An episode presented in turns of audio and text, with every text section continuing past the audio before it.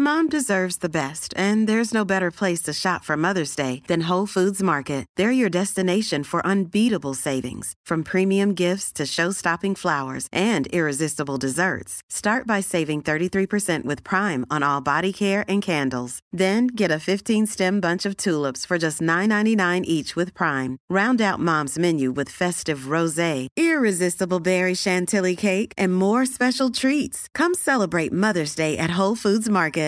Mother's Day is around the corner. Find the perfect gift for the mom in your life with a stunning piece of jewelry from Blue Nile. From timeless pearls to dazzling gemstones, Blue Nile has something she'll adore. Need it fast? Most items can ship overnight. Plus, enjoy guaranteed free shipping and returns. Don't miss our special Mother's Day deals. Save big on the season's most beautiful trends. For a limited time, get up to 50% off by going to BlueNile.com.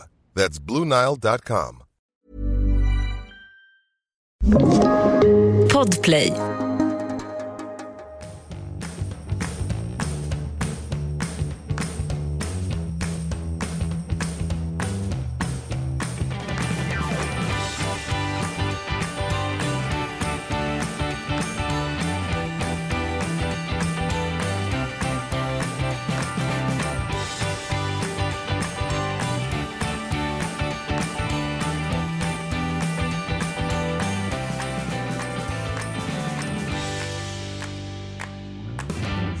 Jag poddar. Du behöver swish.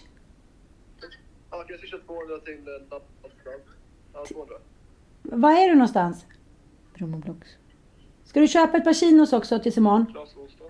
Köper du ett par chinos tills imorgon också? Ja, mycket kostar de då? Ja, men, jag swishar en tusen får du swisha tillbaka. Hur mycket kostar de då? Jag swishar en tusen så får du swisha tillbaka. Hej då. Hej då älskling. Jag är den stora plånboken.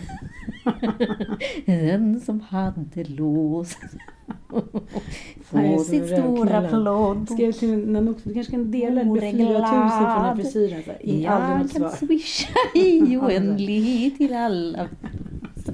Hur roligt att vi satt och kollade på en eh, dokumentär om Elvis i helgen. Och så här, Tom Alla, och så frågade Tom Alla så här, vem var Sveriges Elvis? Och i, trött, i min tröttma på enfald av svar så svarade jag Snoddas. Och så spelade jag Hade Rian hade dra för honom. Varpå han gick och sjöng Hade Rian hade dra.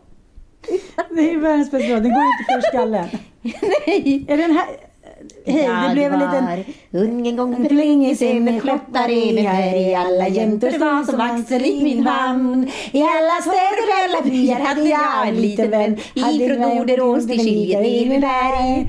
Hade Rian, hade vart var morsan i klädd? Hade Rian hade da, hade Rian hade da Medan månen över moarna går vall Hallå Ann Söderlund! Hallå, hallå, Jag hallå. skriker fast du sitter bredvid mig i singen.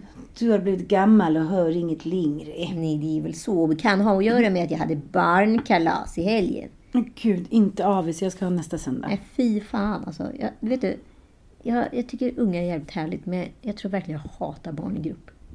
Jag menar, alltså, det beror ju på vilken grupp det är. Tioåringar, förlåt, men det är ju mardrömsåldern Nej, på jorden. För de är både vuxna, tror de, och också småskitar. Gud, jag skulle lyssnat på min mästarinna i barn. Innan jag gav mig an i för ätterstupan. Nej, men, Mäster Olof. nej, men alltså det här var vidrigaste. 27 stycken tioåringar på samma yta. Och så två, 27? Ja, och så två småskitar på sju år. Som egentligen tar nästan mer energi än två stycken 27-åringar. Eller 27 stycken 10-åringar. Nu sitter ju typ 45 000 människor där ute och säger så men är hon så korkad att hon bjuder 27 barn? Så du får nästan dra den för att inte bli Ja, kölhalad. men min dotter ska byta skola till hösten och då blir det lite så här konstigt och så här. Jag bjuder de här tjejerna och de här killarna. Det går ju inte riktigt. Och då tänkte jag i min enfald, eftersom jag inte haft något större kalas för henne på tre år, att det, är väl inte så jobbigt. men när, jag, när de börjar så trilla in. Guldfiskens mardröm. Ja men alltså guldfisk. Nej, jag vet. Nej men alltså det är Men helt annars vidrigt. skulle man ju inte föda barn, man skulle inte, Nej. man skulle inte göra någonting ånyo. Nej, alltså Nej. det är så jävla vidrigt. Eh, och jag tänkte att så här, men det var ju ändå, det var ju, var ju ändå sju sist jag hade sånt där stort kalas för henne.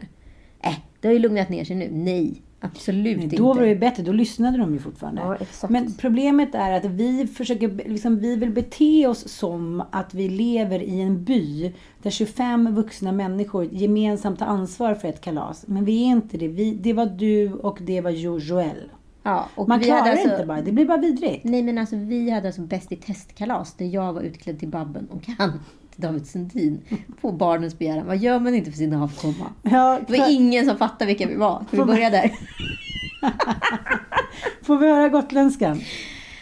Mitt namn är Anita Clemens och med, till min hjälp har jag Joel Sundin. Och nu ska vi lyssna på hur det låter i vanliga fall. Ja, litet smakprov. Och som vanligt vid min sida, fast lite längre ner i näringskedjan, David Sundin. Tackar, tackar. Tackar, tackar. Ja men fan inte helt uselt. Nej. Gotländska är ju typ den svåraste dialekten Ja, den, är, den är svår att sätta för att den, den sitter ganska långt fram och högt i gommen på något konstigt sätt. Och det är lätt att trilla in i andra dialekter när man är på den, tycker jag. Är på den? Ja men där, du ser, redan där. Den är Nej, liksom, jag försöker inte ens längre. du, du, du brukar ju inte... Fan vad hälsa på dig på somrarna när du går och åker runt och kommer och hämtar dig i din gamla sjaviga Volvo. Och, och så snackar jag så här. Ja vi ska till Fardome. Fardome träsk. Therese. Therese. Ja, nej, men alltså, om nej, men sen är det mest intressanta studien utav detta, detta liksom, ja, vad ska jag säga, in, inferno, eller den, den första ringen i skärselden, eller vad jag ska kalla det för. Det är då när chokladfontänen på Petters begäran ska komma ut. Och då ackompanjeras tillsammans med de här eh, bakverken som vi har stått och bakat då på morgonen. Du vet, och så godiset. Det- Man bara ser, jag såg ju så här studien, klipp till liksom studentskiva när, närmare tio år senare. Hur det spårar. Jag fattar. Sakteligen spårar. Det är ju som att ställa ut en fri bar till ett gäng studenter. Mm, Det var samma kaos. Och snart Utan vakter eller Ja, liksom... snart låg ju den där chokladfontänen på backen och något bullfat hade åkt i backen och, och det var porslin, porslinskras överallt. Vem grät först? Penny, såklart.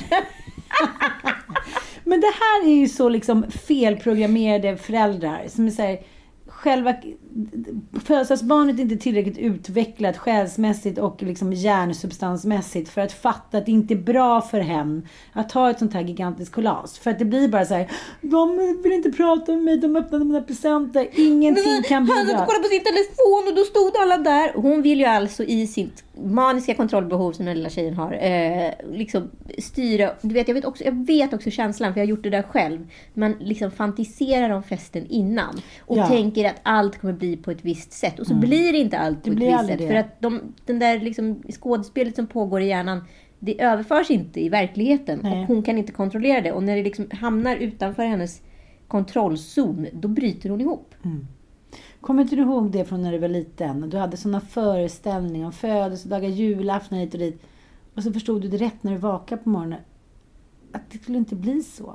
Och då blev jag så knäckt och så skämdes jag så mycket. Jag blev så fylld av skam så jag vågade inte visa att jag hade gråtit. Så då skulle jag sminka mig med mammas rosa läppstift och så här blå ögonskugga kom ner och bara Åh, som en jävla it-clowns utan liksom förklaring. Så, vad är det Anson, har du varit ledsen? Nej, jag ser bara Ja, ja. Nej men tragedin. Nej men också det är ju där, ni gjorde ju fel. Du tänkte så här, men vi, vi har preppat, vi gick upp tidigt, allt är på banan. Men så var ni ändå bara två och de var 27. Ja. Det var alltså 27 mot 2 i fotbollsmatchen.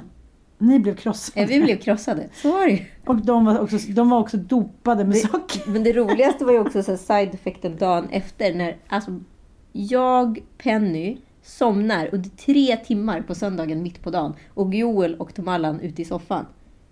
Ni var helt Alltså vi var helt slut, både vuxna och barn.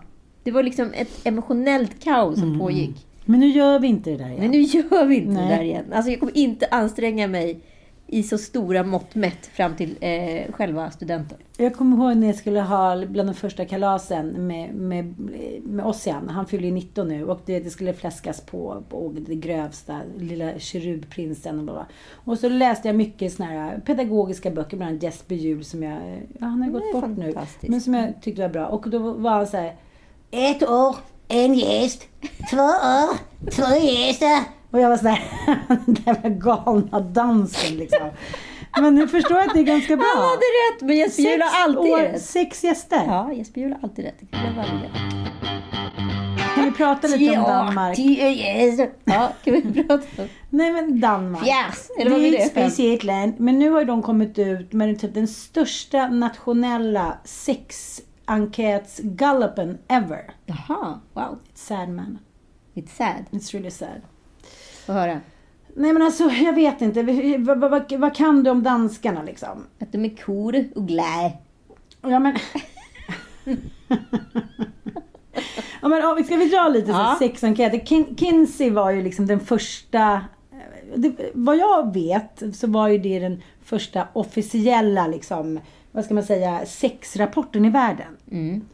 Eh, det här var ju början på 50-talet och Eh, det var ju då Kinsey, den, eh, ja, den hette The Sexual Behavior in the Human Male. Det var ju såklart bara män då. Men fem år senare så, så kom det en motsvarande rapport om kvinnors vanor. Och det var ju så här Alfred Kinsey som var liksom professor och forskare hit och dit. Och vet du varför han eh, blev så besatt av att kartlägga människors sexliv? Nej. Ja men för att eh, dels när han var, var liksom ung så var det ju så jävla syndigt då att man skulle onanera. Det stod ju så här, överallt att, ja men du vet. Ja, men man det var ju kopplat till. Gud och man Precis. skulle bli straffad och fara till helvetet och hej och. Eh, Men sen så började han plugga efter det och men bad om syndernas förlåtelse. Och sen skulle han då, gift, eller han gifte sig och sen så på den tiden, det är ju fortfarande i USA i vissa läger, så var ju kvinnorna eh, ibland då, inte alltid såklart, oskulder på bröllopsnatten. Och han var ju också det. Och det blev sån jävla katastrof. Alltså det var så riktigt risely thrunat. Och då tänkte han så här, "Nej, men jag, jag måste så här, kartlägga hur, eh, hur människor mår rent sexuellt. Och eh, ja, sen var det lite liksom... Att, att man kan ju ändå säga att, att han befriade väldigt många människor. Bland annat så hade 27 procent av männen sa att de hade haft en, en eh, sexuell upplevelse med en man, vilket var liksom helt sensationellt. Eh, men just det här att när man får höra att andra människor också har ett sexuellt beteende eller onanerar liknande så blir det ju också en befrielse att man inte är en galen onanist på kammaren. Liksom. Mm. Eh, men, men ja, nu vill jag säga. Och nu är det väl mer regel än undantag att man onanerar liksom. Ja, precis. Och liksom, jag, jag tänker mest att han gjorde en otroligt stor insats för just homosexuella. Mm. Eh, Att de, eh, som, som blev, särskilt i USA kanske, det är över hela världen, men, men på den här tiden då väldigt illa behandlade. Så att nu har det då kommit ut en, en dansk liknande precis nu. Och eh, men jag tycker ändå, de få danskar som jag känner och de få gånger jag varit i Danmark så känns det ju som att stiga över bron till någonting annat. Ja, men det är också någonting rotat i oss från förr. När man åkte över sundet mellan Helsingborg, Helsingör eller åkte över Malmö till Köpenhamn och klev liksom in i Christiania och liksom såg sexshopper och bordeller. Liksom. Det var så liberalt. Någonting som inte alls eh, hängde ihop med liksom, bibelbältet etc.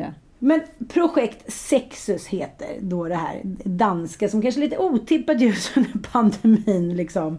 Eh, ska då eh, ja, berättas om då. Men det som är lite imponerande tycker jag är att det var alltså 62 675 danskar mellan 15 och 89 år som har medverkat. Och då kan vi jämföra det med Kins-rapporten där det var då 12 300 kvinnor som deltog. Och den 800 sidor långa rapporten Sex i Danmark kartlägger danskars sexliv. Och den kan vi ladda ner på nätet om vi tycker det är kul. Men Det som förvånade forskarna och det som, som jag också blivit nedslagen av, som även Kins-rapporten var lite slog på att det är stor liksom, skillnad på kvinnors och mäns behov av sex. Mhm. Och män vill mer och eh, jag vet inte, kanske kan det vara en förklaring till att kvinnor fortfarande känner att deras sexuella preferenser och behov är skambelagda. Fan, det där tycker jag är så jävla dubbelt. Jag hade en AV här med mina väninnor eh, och två utav oss är ganska, liksom, vad ska jag säga, ta för sig tjejer. Liksom Ja. lite framåt och ofta liksom, är de som också tar initiativ till sex, konstaterade vi i den här gruppen. Under tiden, de som är kvinnor-kvinnor, som, de blir alltid eh, liksom uppvaktade förut av sina män. Ja, de, De- hinner aldrig Nej. själva bli... Det där är männen alltid kåtare, deras behov kommer före. Och i mitt fall så kanske mitt behov till sex hinner komma innan liksom, min partners. Jo, men i Anita-rapporten då, som består av sex personer som du har intervjuat, så undrar jag, menar du då att män går igång lättare på kyska kvinnor? Eller menar du att du knulla mer? Nej, jag bara tänker på att om, om mäns och kvinnors behov ser väldigt olika ut så beror det också på vilken typ av person man är i relationen. Absolut, absolut. Men, men han- handlar det inte också om uppfostran? Både du och jag har haft ganska fria uppfostran. Vi har liksom tidigt lärt oss klara oss själva. Vi har liksom inte haft någon tid eller ork att vänta på så här. Då ska vi se, då ska jag hålla på mig. Vill vi ligga med någon så ligger nej, vi. Jag, vet- alltså, jag, kan, jag kan uppleva att eh, i de relationer som jag har haft där faktiskt min partner varit kåtare än mig har jag generellt varit ganska så här, olycklig i de relationerna. Jag klarar liksom inte riktigt av det. Alltså, det handlar mycket mer om mig än uppfostran än något annat. Liksom. Men jag vet inte, har du läst eh, Kerstin Thorvalds? Jo tack, men ska vi dit igen? Nej, men jag, jag måste bara för att jag, jag, jag, tänk, jag tänkte så mycket. Det bara slog mig nu när du sa det där. Att, menar den här Det mest förbjudna som hon skrev då om, eh, om relationen till sin pappa och sådär. Då återkommer hon ju hela tiden till att hennes mamma var ju väldigt puritansk och kristen och ville absolut inte ha sex. Och det var ett evig, en evig kamp då med pappan som så hade satt då eh, frun på en piedestal. Och blev liksom, ju mer puritansk och of, till liksom, komlig hon var, ju mer ville han ha henne. Mm. Ja, nej, men Är du jag, med mig ja, lite? jag fattar vad, du- jag, jag fattar vad du far efter. Fast jag tror inte i det här fallet att det handlar om det. Utan snarare att... Eh, jag tror han, återigen som jag alltid tror, jag tror det handlar om makt. Jag kände inte att jag hade makten när jag hela tiden hade en person som ville ha mig mer än vad jag ville ha honom. Ja, jag fattar, jag fattar, jag fattar. Men, men jag vet inte, om vi tar Danmark då. Eh, där finns det ju... Ja, men jag tycker det är alltid intressant på sådana här studier för det beror ju på hur man ställer en fråga. Jag fattar hur du Ja. menar. Men, men om man ändå ska ta eh, Danmark så är det ju fortfarande att de har den här sidan 9 piger då. Där man är liksom... eh, Ja men Alltså, page tidningarna, ja, girls, Precis, ja. där är de är fortfarande där. Och liksom i Danmark är det ju fortfarande en väldigt liksom, vad ska jag säga, stark röst eller bred front då. Där man öppet då uttalar sig om att man tycker att, att män ska ha, ha, ha rätt att köpa prostituerade. Och danska la, landslaget, när de har gjort mål, eller vad det inte match, då skri- skriker de Stora padder! Stora padder! Det är liksom så här, uh, uh, uh, uh, stora pattar. Och man bara, okej men kanon. Då går vi vidare. Så att, eh. Men å andra sidan kan jag vara så här, förlåt, jag kan också bli så jävla trött på hela den här grejen att Tänk om män skulle vara inne och kliddra på vad, tjejer uttalar som saker och ting hela tiden. Men vi har hela tiden rätt, rätt att tillrättavisa dem på hundra olika sätt. Kan det inte få vara, få vara liksom kvinnliga och manliga domäner ibland också? Eller låter jag helt, låter jag helt liksom verklighetsfrånvänd nu? nej, men, Men tänk om någon man skulle gå in och kolla på hur man uttrycker sig om liksom, småbarn i ett mammaforum etc. Liksom. Det skulle inte de, de skulle bara säga, fan vad ni pratar om allt möjligt väldigt eh, liksom, ofiltrerat och ja, vad hård i magen i natt. Alltså så här, nu låter, blev ju det jättemarginaliserande utav själva situationen. jättebra jämförelse. Nej men du förstår vad jag menar. Kan det inte bara få vara lite, låt dem bara springa runt där det var små apor. Och- går bara, låt dem gå till horor och skrika patter. Det, det, Det var ju inte 2021. det jag sa. Men om de vill skrika stora pattar och det inte finns någon... Förstår du vad jag menar? Om det inte finns någon värdering i saker och ting som bara har blivit ett uttryck. Eller måste man tvätta allt? Ska man in, ner i varenda jävla syltburk och klidra hela tiden? För att avsluta det här nu så tycker jag att det här är så talande för hela den här serven. Att var femte man i Danmark tycker det är helt oförsvarbart med sexuella handlingar mellan män. Och då tänker jag så här, om man ser rent historiskt, om man men, ta bara till exempel Thatchers liksom 80-tal när hon så här, ja, men hon gjorde en enorm åtstramning liksom, i Storbritannien. Och eh, liksom, det var väldigt många gruvstäder då där det så här, ja, jobben lades ner, det fanns inga pengar, bla bla bla. Och det som händer i, i, i städer där det inte finns något framtidshopp är ju såklart att männen börjar supa mer. Det blir sexistiskt. Kvinnorna är bara till för att knulla med. Eh, eller våldta, bla bla bla. Där det inte finns någon framtidstro, där det inte finns liksom... Eh, ja, alla går ner i någon kollektiv risig eh, kvinnosyn. Förstår du vad jag menar? Mm, ja, men jag, Och det är ju det Danmark faktiskt är lite kända för. De har en kollekt- kollektiv risig kvinnosyn. Och då är det väl inte liksom, även fast de tycker att det är lite kul att skriva Stå upp här, stå upp här! Eh, när de har vunnit en fotbollsmatch så är det så här, det leder ju inte så långt. Nej men vadå, är det någon som har liksom tillskrivit någon form av intelligens till fotboll? Eller till danskar. Jag Nej, Nej men har, har, har de nått Nobelpris? Nej, men jag bara kan säga, man måste, måste, måste man hela tiden röra ihop sak och person. Det är ingenting som finns i fotbollslingo som är speciellt charmigt. Det är, liksom, det är ju liksom lägsta kasten på många sätt. Det är män som går runt och får ut sitt testosteron i ett apstadie. Liksom. Jo, jag fattar, men, men, men det är Det är en- liksom klassiska Adonis-kulturer liksom hela tiden flaggas med. Där det är det gladiatorspel. Vi Killar på killar, kolla på killarna på läktaren, kolla på killarna på planen. Vad är det som är viktigt? Övervinning. Alltså, Jag vet, men, men liksom det leder ju såklart till en kvinnosyn då. Uppseendeväckande siffran att 6% av yngre danska kvinnor har blivit våldtagna till exempel. ja, det är ju inte så fräscht. Nej, och eh, 12% av danska kvinnor åldern 25 till 34 Men kan man dra den parallellen till att folk skriker stora pattar på en fotbollsplan? Det tror jag.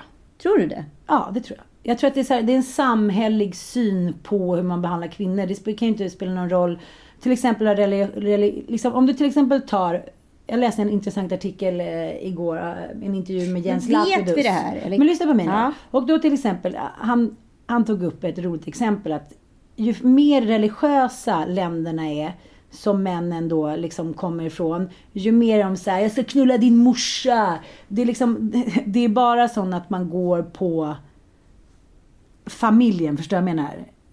Ja. Medan vi då som inte är så himla kristna, vi säger så här, din jävel, eh, du kan fara åt.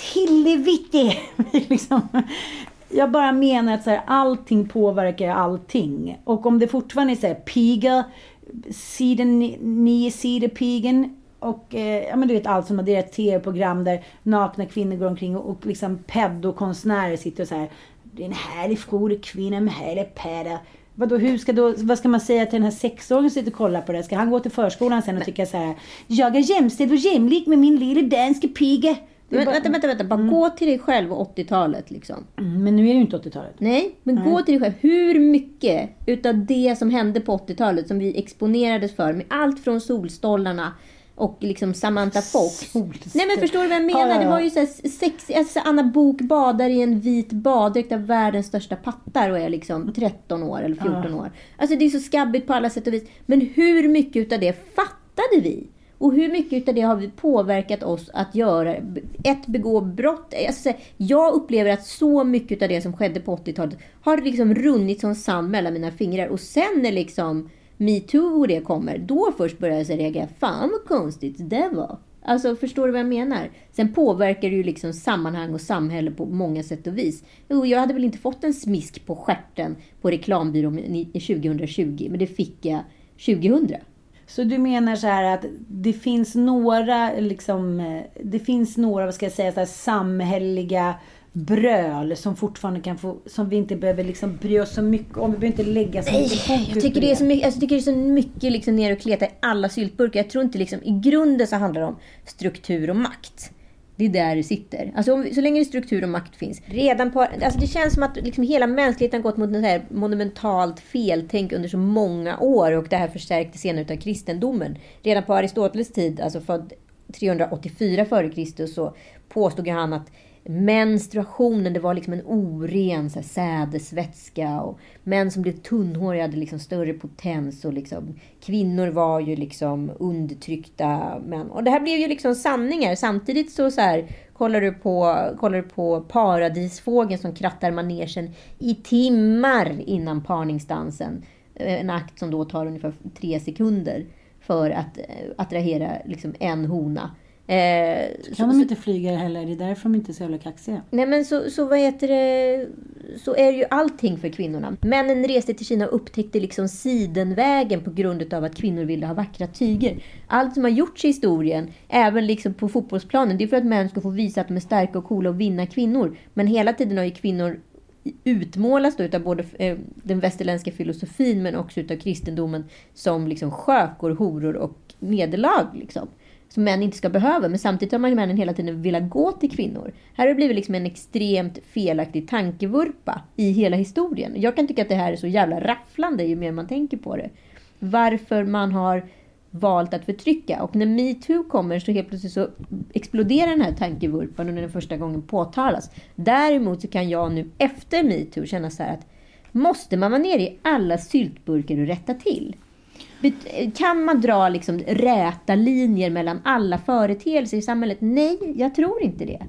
Jag tror inte det. Jag fattar. Och jag tror också att det finns en kvinnlig kultur som byggs ut ur det här, som jag kommer att prata om om en liten stund, som är jävligt farlig. Innan vi avslutar den här diskussionen och går över då till cancel culture. Då måste jag säga att vi, vi ser en liten ljusning. Även i Stora Paderland. Eh, Carlsberg då har ju sin julöl varje år och eh, det är ju liksom deras årliga folkfest. Gud vad rolig, konstig Ja, tradition. Ja men det är så här, då går man, liksom, då Vi går själva blir glada nu man får Ja, ja. Men det här året så, så berättade, de deklarerade då eh, Carlsberg att det blev inga eh, halvnakna tomteflickor. Som, de, de, har ju, de är ju där för att pigga upp då när folk är packade och så här tafsar lite på. Och det här har de nu tagit bort i år för att alla inom citationstecken ska känna sig trygga.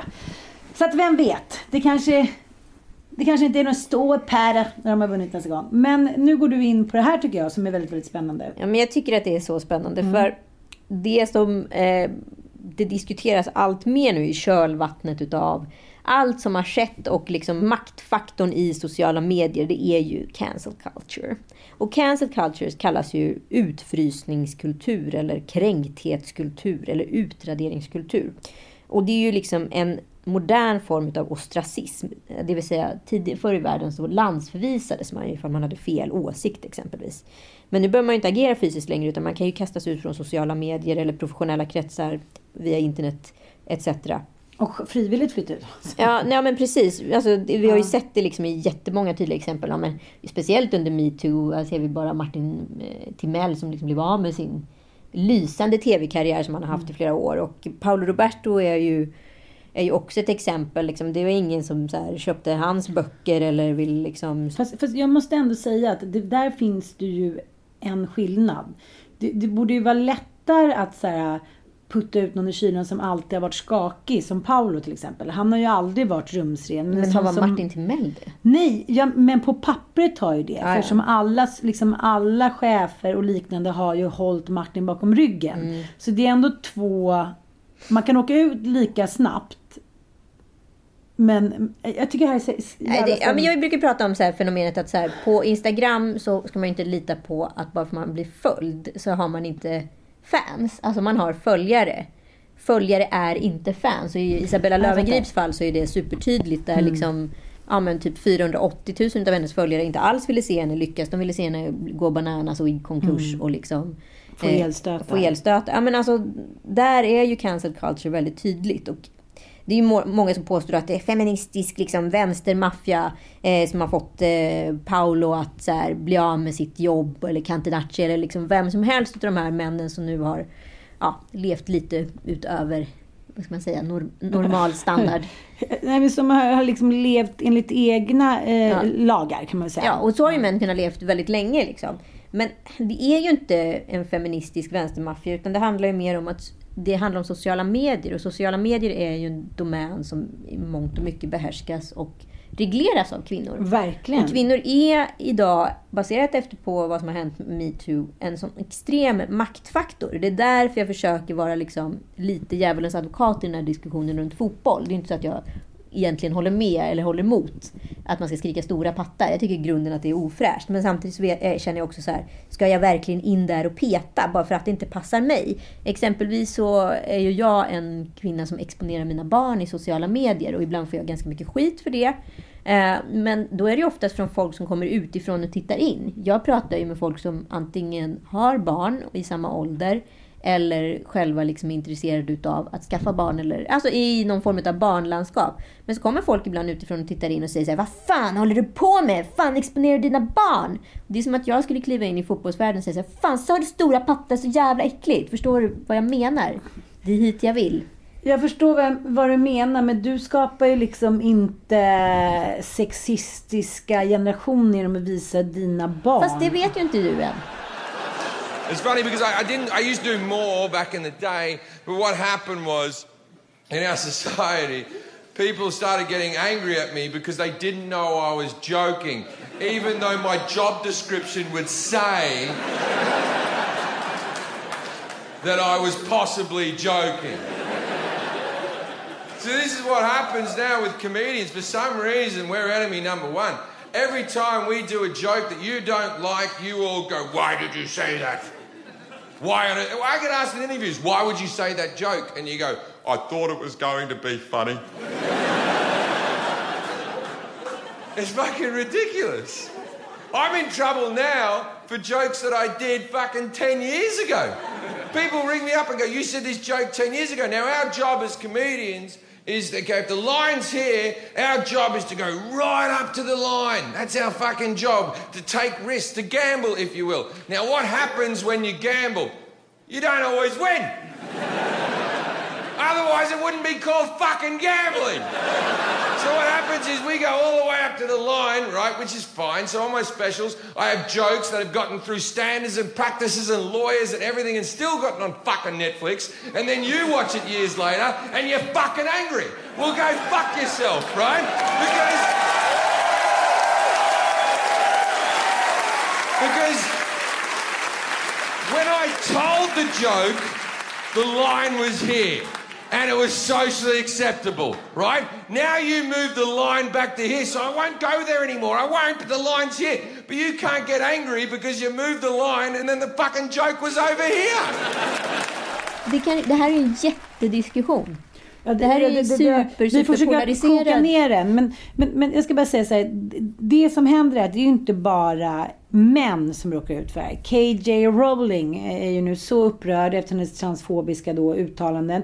Hon tycker nu att hon är då eh, utsatt för det här. Att hon är ute i kylan. Och det, det är ju 150 kulturpersonligheter som har skrivit ett öppet brev till, var The Guardian? Ja. Som, som liksom vill liksom påvisa då faran i att så här, ja, men, yttrandefriheten inskränks när det finns en miljon, miljardstor mobb på nätet som bara kan kicka ut folk eller bara se till att de är så här, döda. Ja, och det var ju lite det Bianca Kronlöf var på i liksom sitt tal också eh, runt Soran där. Att så här, det finns egentligen inget systerskap. Vi kan ju vända varandra ryggen bara man säger fel sak eller har fel åsikt vid ett tillfälle. Och det är ju faktiskt lite så här eh, pudelns kärna i cancel culture. Det räcker att ha fel åsikt för att du åker ut. Exempelvis så kan vi kolla på, det här används ju inte bara utav privatpersoner eller kändisar utan det här används ju, det är ju en extremt stor form av mobbing. Om vi kollar på lobbyismkulturen som finns inom public affairs eh, PR-branschen. Där använder ju exempelvis då Pfizer lobbying mot AstraZeneca att få bort deras vaccin från marknaden för att själv få en större beställning. Genom att använda den lilla forskning som är negativ om AstraZenecas, det vill säga att man kan få blodpropp. Det är alltså samma benägenhet att få blodpropp via AstraZenecas eh, vaccin som att ta en Alvedon. Men man lyfter upp det så högt så att det blir en farlig faktor. Och här har vi en cancel culture. Eh, I Sverige är det närmaste som jag tror att många eh, följde, det var ju Oatly versus Arla. Ja, exakt. Eh, där de liksom hijackade begreppet mjölk, fick eh, Arlas kommunikationschef att fullständigt tappa det på en presskonferens, använda det och gjort, liksom förstärkte nyheten ännu mer, vilket gjorde att Arla bara såg ut som ett gäng bittra Kossor. mjölkbönder i Ja. jämförelse med Nej, det- var en stilstudie i hur... hur skickligt det kan hanteras om man, om man trycker på rätt knappar vid rätt tillfälle. Men liksom. jag tycker också att man, men man måste också se på det utifrån med, med både djävulens advokatögon men också med ögon på till exempel, ta en sån som J.K. Rowling. Alltså hon, hon, hon har ju liksom miljardimperium. Hon kan ringa vem fan hon vill och säga så här, hej nu vill jag skriva en ny bok, så kommer vem fan som helst ge ut hennes bok. Det kan ju till exempel inte Paolo Roberto. Nej. Och det tror jag också har ganska mycket med liksom, kön att göra. Absolut. Men om man då tar Trump exempelvis, som har fortsatt blivit av med sitt, eh, sitt eh, vad ska man säga, utvisning från sociala medier. Mm. Facebook kommer alltså inte låta honom få tillbaka sitt konto eh, på obestämd framtid.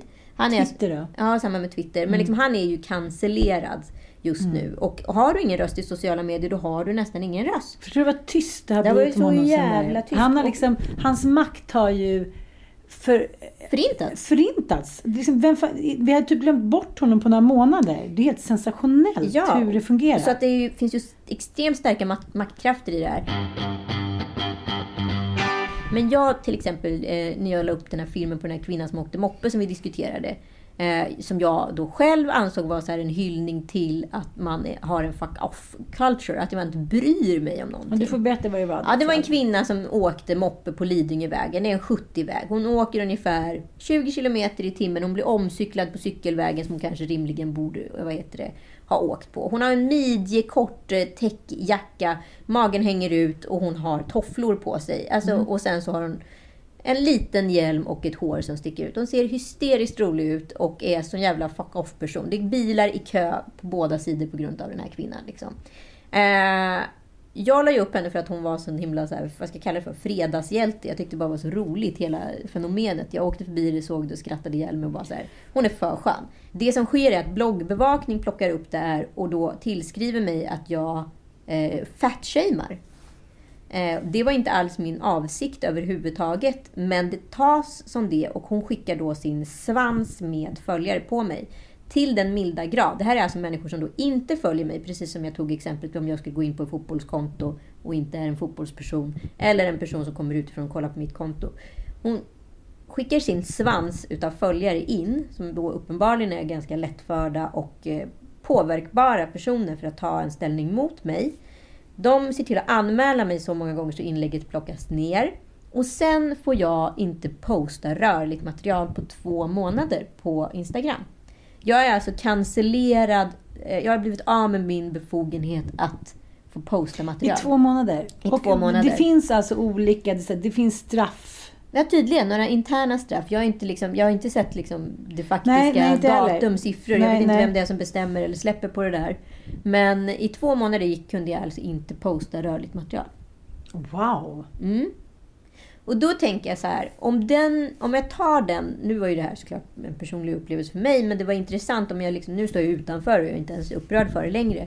Men om ett tolkningsföreträde som då enligt sociala medier kan anses som att så här, det här var fel, det här är inte kul, det här är vad det är.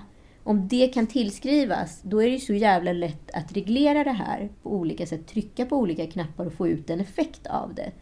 Då är det ju liksom en fara för demokratin. Det här är liksom förlängningen utav någon typ av fascism. Och det här är jättemånga forskare som pratar om det här redan. Att det redan är liksom ett större hot mot demokratin än man vill prata om. Och det här, att inte det här tas upp liksom på en högre riksdagsnivå, det är för mig extremt Men det är för att de är så Märkligt. långt efter hela tiden. Politiker är ju, de sätter ju alltid, de är alltid sist på bollen och det tycker jag det här visar. För jag håller med dig. Men jag tror också att det är ett sånt samhällsfenomen. Det, liksom, det går typ inte att göra någonting åt det. För det var ju som någon skrev, så länge kapitalismen liksom är rådande och, och så länge man är fri att skriva vad man vill. Så kommer den här mobben som sitter här ute. Nu liksom, it's fucking payback time. Det är så ett raseri som pågår. Eller, alla kanske inte är rasande. Men visst är det härligt att bara kunna här, trycka på en knapp och förgöra? Jo, men du har ju själv varit utsatt för ett drev. Vad tyckte du, hur tyckte du att det var? Massa drev. Mm. Eh, det som är helt vedervärdigt är ju just att man eh, tar det så otroligt personligt och man vet också att det finns, eh, det finns människor där ute som kan bara bestämma sig för att jag ska krossa hen. Mm. Utan, alltså det, det, det är ett blint raseri Ja. som kanske kan vara nice på en lunchrast. Och det, det, det som jag tycker är... Det här betyder ju ingenting för den personen för förlängningen. Nej, det är bara så, som liksom när man var liten och någon så här, Hon är gud. Ja, så bara, nu, nu har jag lite, ja men som en, en viss typ av barn då, i rakt nedstigande led från sina föräldrar kanske jag kan tänka, förlåt om jag eh, drar över en kam här, eh, är liksom lite fittiga mot andra barn för att de kan. Mm. Man, man, man, man försätter folk i terror och rädsla. Det är så det är med alla liksom. Det är som att vi alla är små diktatorer och vissa har chansen att, har makten att förgöra och kan då inte eh, låta bli att använda sig av den makten. Nej, och jag tror just liksom i fallet så här Lövengrip, eh, liksom dreven som fördes utav bloggbevakning. Eh, det måste ju varit en sån jävla kick för henne. Att hon liksom lyckades med sin ja, mär, ganska märkliga granskning putta ner henne från pedestalen och liksom få igenom allt det där som hon hoppades för. Men vad blev det för effekt efteråt? Gav det någon tillfredsställelse att se en kvinna fara illa? Alltså är det här, jag, jag kan inte säga, det, alltså alla står väl lika inför lagen, jag behöver inte dra feministkortet här. Men mår man bra i efterhand? Det här är ju liksom, det här är ju som att ta en chokladbit. Mm. Nu ska jag göra ner Soran Ismail. Nu ska jag göra ner den här. Nu ska jag göra ner Blondinbella. Alltså, det, det, är ju liksom bara en quick fix. Men jag tycker den stora skillnaden på till exempel Bianca Kronlöfs... Eh, hon, hon, det var ju flera inlägg. Det var så här, ett, det var jävligt genomarbetat. Ja. Två, hon, försökte, hon sträckte ut handen. Hon försöker liksom hitta en lösning, någon form av försoning. Tre, hon rannsakade även det egna könet och liksom det egna beteendet. Det var så här det tycker jag var så här, en 10 poängare i sättet man ska använda sociala medier. Mm. Det gav någonting. Det, det, gjorde ett språng mot någonting nytt och öppnade upp så här. Hon sträckte ut en hand till alla. Men att bara så här, sitta på kammaren och liksom haka på mobben, för det är det det är. Det är bara kolla ett massmöte liksom under andra världskriget när Hitler står där. Det är så här, tusentals anhängare. Så här, ingen hör riktigt vad han säger. Han står bara och skriker på en, en, en dålig mikrofon. Ich habe...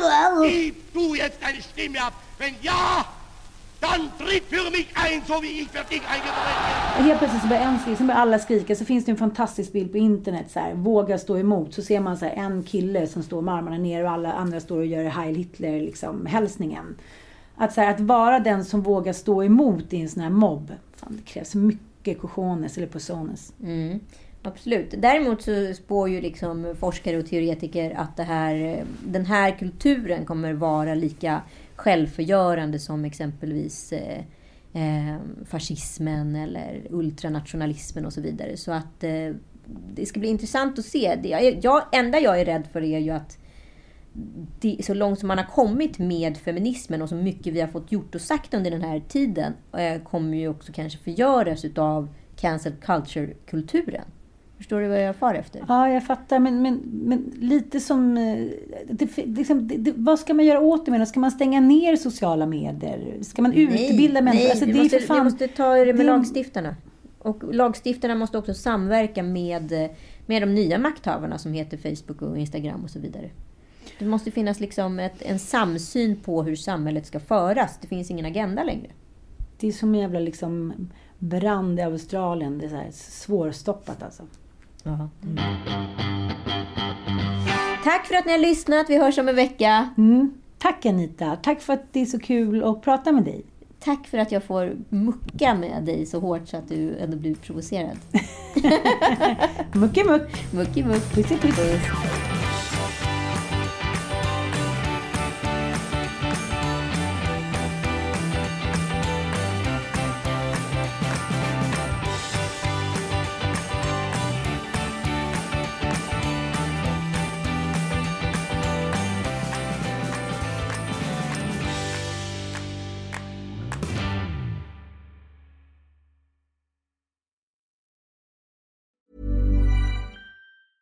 Cool fact a crocodile can't stick out its tongue. Also, you can get health insurance for a month or just under a year in some states. United Healthcare short term insurance plans, underwritten by Golden Rule Insurance Company, offer flexible, budget friendly coverage for you. Learn more at uh1.com.